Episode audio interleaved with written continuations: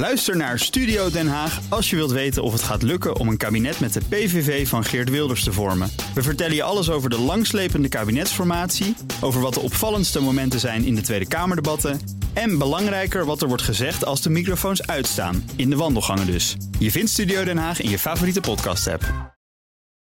Auto-update.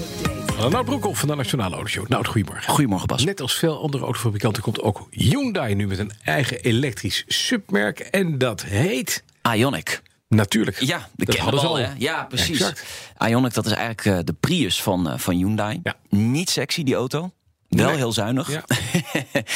Eh, ja, en dan wordt het nu dus een zelfstandig merk. Beetje verwarrend is het wel, hè? Dat ombouwen van al die merken. Polestar het hebben natuurlijk... Ja, ja. eh, Iedereen Volvo. probeert nu een el- nieuw elektrisch merk neer te Ja, zetten. Omdat hun oude merken behept zijn met een fossiele bijsmaak misschien. Ja, inderdaad, dat heeft daar zeker mee te maken. Maar zelfstandig merk dus, eh, volledig elektrisch. Ja, BMW heeft i, Volkswagen heeft ID, Volvo inderdaad Polestar, dat was vroeger dan de Tuner.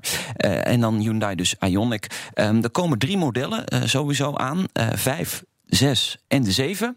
Waar is de creativiteit gebleven bij de namen ook? Het is zo erg. De Ioniq 5, de Ioniq 6, eh, de Ioniq 7. Ioniq, de Ioniq. Ioniq. De een 6. Ioniq. Eh, de vijf eh, komt volgend jaar. Er wordt een crossover. De zes die komt een jaar later. MPV. Nee, een, sedan. Oh, en oké. de 7 eh, komt in 2024. Dat, wordt een grote SUV. Luxe, precies, grote SUV. Ja, Ja, ja. natuurlijk, natuurlijk, natuurlijk. C- eh, specificaties weten we helemaal niks van. De eh, aankondiging is vannacht gedaan. En eh, ja, de Ioniq wordt dus eh, vergeten. De Prius van Hyundai, het wordt elektrisch. Ja, oké. Maar het is een beetje met zo'n merk als de Titanic. Het verhaal met Leonardo DiCaprio. Je weet dat hij zingt. Waar moet je er 3,5 jaar op blijven wachten? Dan, Tesla moet de portemonnee trekken om de nieuwe gigafabriek in Texas te mogen bouwen. Waarom? Hoppakee, 100 miljoen dollar moesten ze betalen. Ja, meldt eh, Electric. Ja, ze moesten die, ehm, eh, die grond eh, kopen. 2000 hectare groot in Austin, Texas.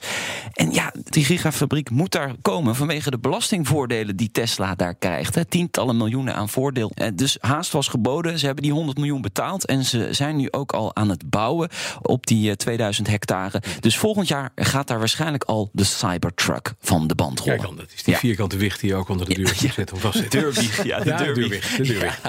En dan is er meer informatie over de toekomst van de leukste auto die Nissan ooit heeft gebouwd, de GTR. Ja, de GTR. Eh, lang niks meer van gehoord. Ja. 2007 voor het eerst geïntroduceerd, 13 jaar geleden alweer. En ja, het is altijd een beetje speculeren van wanneer komt nou de nieuwe GTR. Het is natuurlijk niet eh, de pijler van eh, Nissan waar het hele bedrijf op draait, maar het is wel een image builder natuurlijk. Absoluut. Je moet ook zo'n lekkere performance car hebben. Veel mensen zeggen hij komt pas in 2027, 20 jaar na de introductie. Dus de Ja. volgende generatie. Nou, dat zal wel heel erg laat zijn.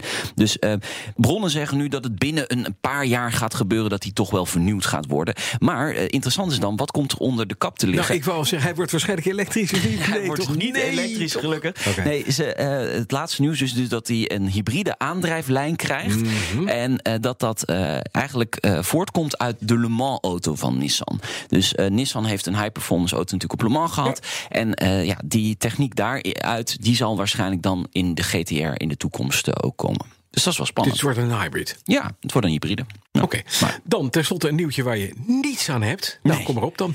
Ja, hoeveel golfballen passen er in de achterbak van de Seat Tarraco? 1920 liter groot, de achterbak? Ja. ik ik gok toch gauw, toch gauw een 60.000. Nee, nee. is veel te veel, Ja, zeg. is veel te veel, ja. Iemand een gokje waar? 60 miljoen. Ik heb geen idee. 8500. Veel te weinig. Nou, meteen golfers- ook af? Ja, nou, twee golfers hebben het uitgeprobeerd. Dus Ja? ja, ja. En hoe lang kan je dan golven met die ballen? ja dat, dat- volgens mij kun je daar gewoon je hele carrière mee spelen. Ze hebben dus gewoon die ballen in die auto geschoten. Ja, hoep. ja, op een gegeven moment 8.500. vonden ze het niet meer leuk. Toen hebben ze gewoon... eh, Zakken ja, vol Ja, zakken er op. En wat is het nut daarvan? Geen Ja, gewoon Niet. even uittesten hoeveel eh, ballen erin kunnen. Hoeveel Ja. ballen? Ja. Alle ballen verzamelen. Wat een nutteloos bericht. We wat alle auto's doen? Dan maken we daar een soort, soort eh, netwerk Nee, van. Gaan we niet doen. Je krijgt soms ook gewoon heel nutteloze persberichten. Ik zeg, je moet er soms wel wel wat doen. Hoeveel ballen kunnen in de. Cybertruck? Nou, dat gaan we binnenkort een keer testen. Dat zou goed zijn. De BNR Auto Update wordt mede mogelijk gemaakt door Lexus. Nu ook 100% elektrisch. Ook Bas van Werven vind je in de BNR-app. Ja, je kunt live naar mij en Iwan luisteren tijdens de ochtendspits. Je krijgt een melding van Breaking News. En niet alleen onze podcast Ochtendnieuws, maar alle BNR-podcasts vind je in de app. Download nu de gratis BNR-app en blijf scherp.